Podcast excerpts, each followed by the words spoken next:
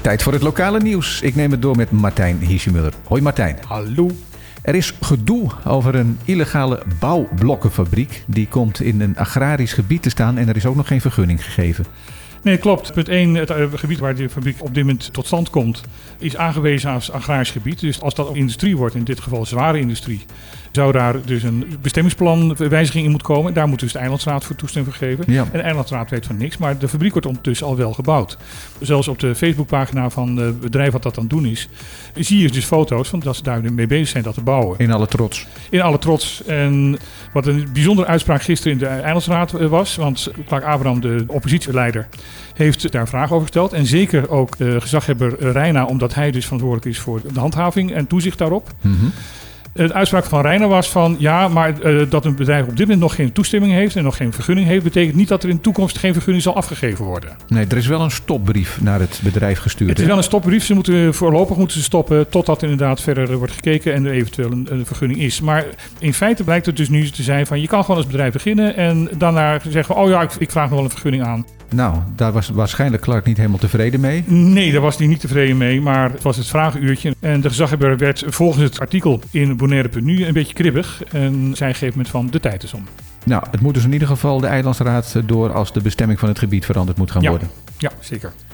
Dan Bonaire brandstofterminals. Daar hebben we het eerder over gehad. Volgens mij is de kogel door de kerk. Er gaat nu een nieuwe terminal gebouwd worden. Waar komt die en wat zijn precies de plannen? De plannen zijn dat het samen gaat gebeuren met Curl Oil. Er is gisteren een samenwerkingsovereenkomst ondertekend. Ja. Er komt een, een nieuwe terminal en die moet in 2025 in gebruik genomen gaan worden. De terminal komt vlakbij het vliegveld en daardoor hoeft er ook geen nieuwe pier gebouwd te worden, want ze gaan de bestaande pier hiervoor gebruiken. ja, want daar was in het verleden wel sprake van, maar die plannen zijn dus van de baan. Die ba- plannen zijn nu echt definitief van de baan. En ik heb begrepen dat kan ook, omdat het om een relatief kleine opslag gaat. Ja, de plannen zijn ondertussen zo gewijzigd dat niet alles meer inderdaad fossiele brandstof hoeft te gaan zijn. Er gaat heel snel en heel voortvarend nu geprobeerd worden om zo snel mogelijk Bonaire op duurzame energie te krijgen. Maar goed, er zijn natuurlijk altijd periodes dat er geen wind is. En- vliegtuigen hebben uiteraard uh, hebben fossiele nodig, brandstof boten, nodig. boten hebben diesel nodig.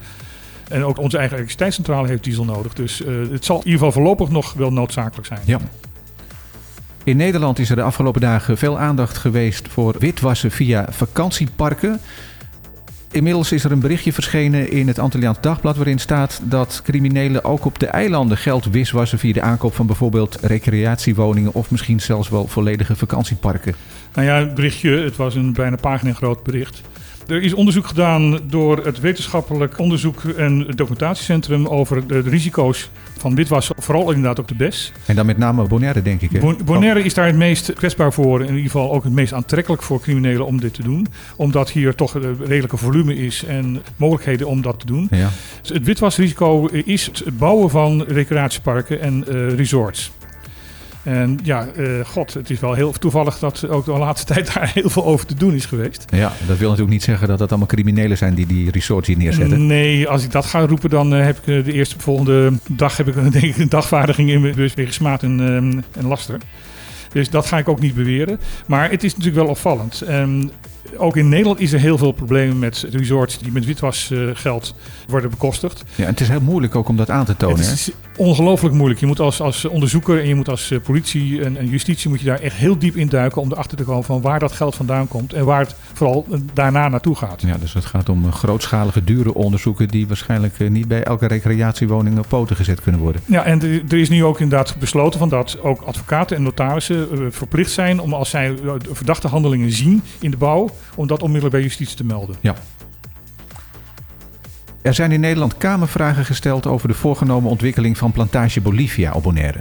Dat klopt. Die vragen zijn gesteld aan Hugo de Jonge, die daar eh, als eh, minister van Volkshuisvesting en Ruimtelijke Ordening verantwoordelijk voor is. En zijn antwoord is van ik wil eerst een bezoek brengen aan Plantage Bolivia eh, op Bonaire voordat ik die Kamervragen ga beantwoorden. Want ik kan waarschijnlijk die vragen beter beantwoorden als ik daar ben geweest. Ja, en dat treft, want hij komt binnenkort. Volgens mij nog deze week zelfs. Ja, de 16e is die, 16 en 17 is op Bonaire. En dan zal hij inderdaad een bezoek brengen aan de voormalige Plantage Bolivia. Of hij dan ook moeite neemt om bijvoorbeeld met eh, Wilma Nijland, de, de tegenstandster, eh, de, degene die eh, de, leiding heeft over de stichting Safe Plantation Bolivia, of hij daar ook, daar ook mee gaat praten, dat is niet bekend. Nee, maar ik kan me toch zo voorstellen dat hij dan met alle partijen even van gedachten gaat wisselen. Dat zou wel verstandig zijn. Ja. Dan even naar Aruba, want het eiland heeft slechts één van de 13 aanbevelingen uitgevoerd die ze van het College Financieel Toezicht hebben gekregen. Ja, en die aanbevelingen zijn niet vrijblijvend. Maar toch hebben ze 12 van de 13 naar zich neergelegd, vooralsnog. Vooralsnog hebben ze dat gedaan. En eigenlijk ook in de publiciteit een beetje gezegd van... we trekken ons er niks meer van aan. We gaan onze eigen gang. En eigenlijk kan uh, Nederland wat dat betreft uh, een, een, punthoofd krijgen. Maar wat zijn dan de gevolgen als ze inderdaad de poot stijf houden? Uh, de gevolg kan zijn dat ze een aanwijzing krijgen. En ook dat klinkt heel vrijblijvend, maar is het absoluut niet. Want als je een dwingende aanwijzing krijgt... dan heb je dat op te volgen, want anders heb je grote problemen een van de dingen die nu aan het ontstaan zijn, is van dat ja, met uh, onder andere het weigeren om te bezuinigen, weigeren om salaris omlaag te halen, uh, dat op dit moment de schuld van Aruba is opgelopen tot 6 miljard. Dat is een enorm bedrag voor zo'n klein eiland. dat is echt bizar. Dus het is toch zaak dat ze orde op zaken gaan stellen en wellicht toch een aantal van die aanbevelingen alsnog gaan wij, uitvoeren. Wij als zunige Hollanders zeggen van jongens, doe er wat aan. Ja. Dat was hem voor vandaag, Martijn. Ik dank je voor je komst en graag tot morgen. Tot morgen.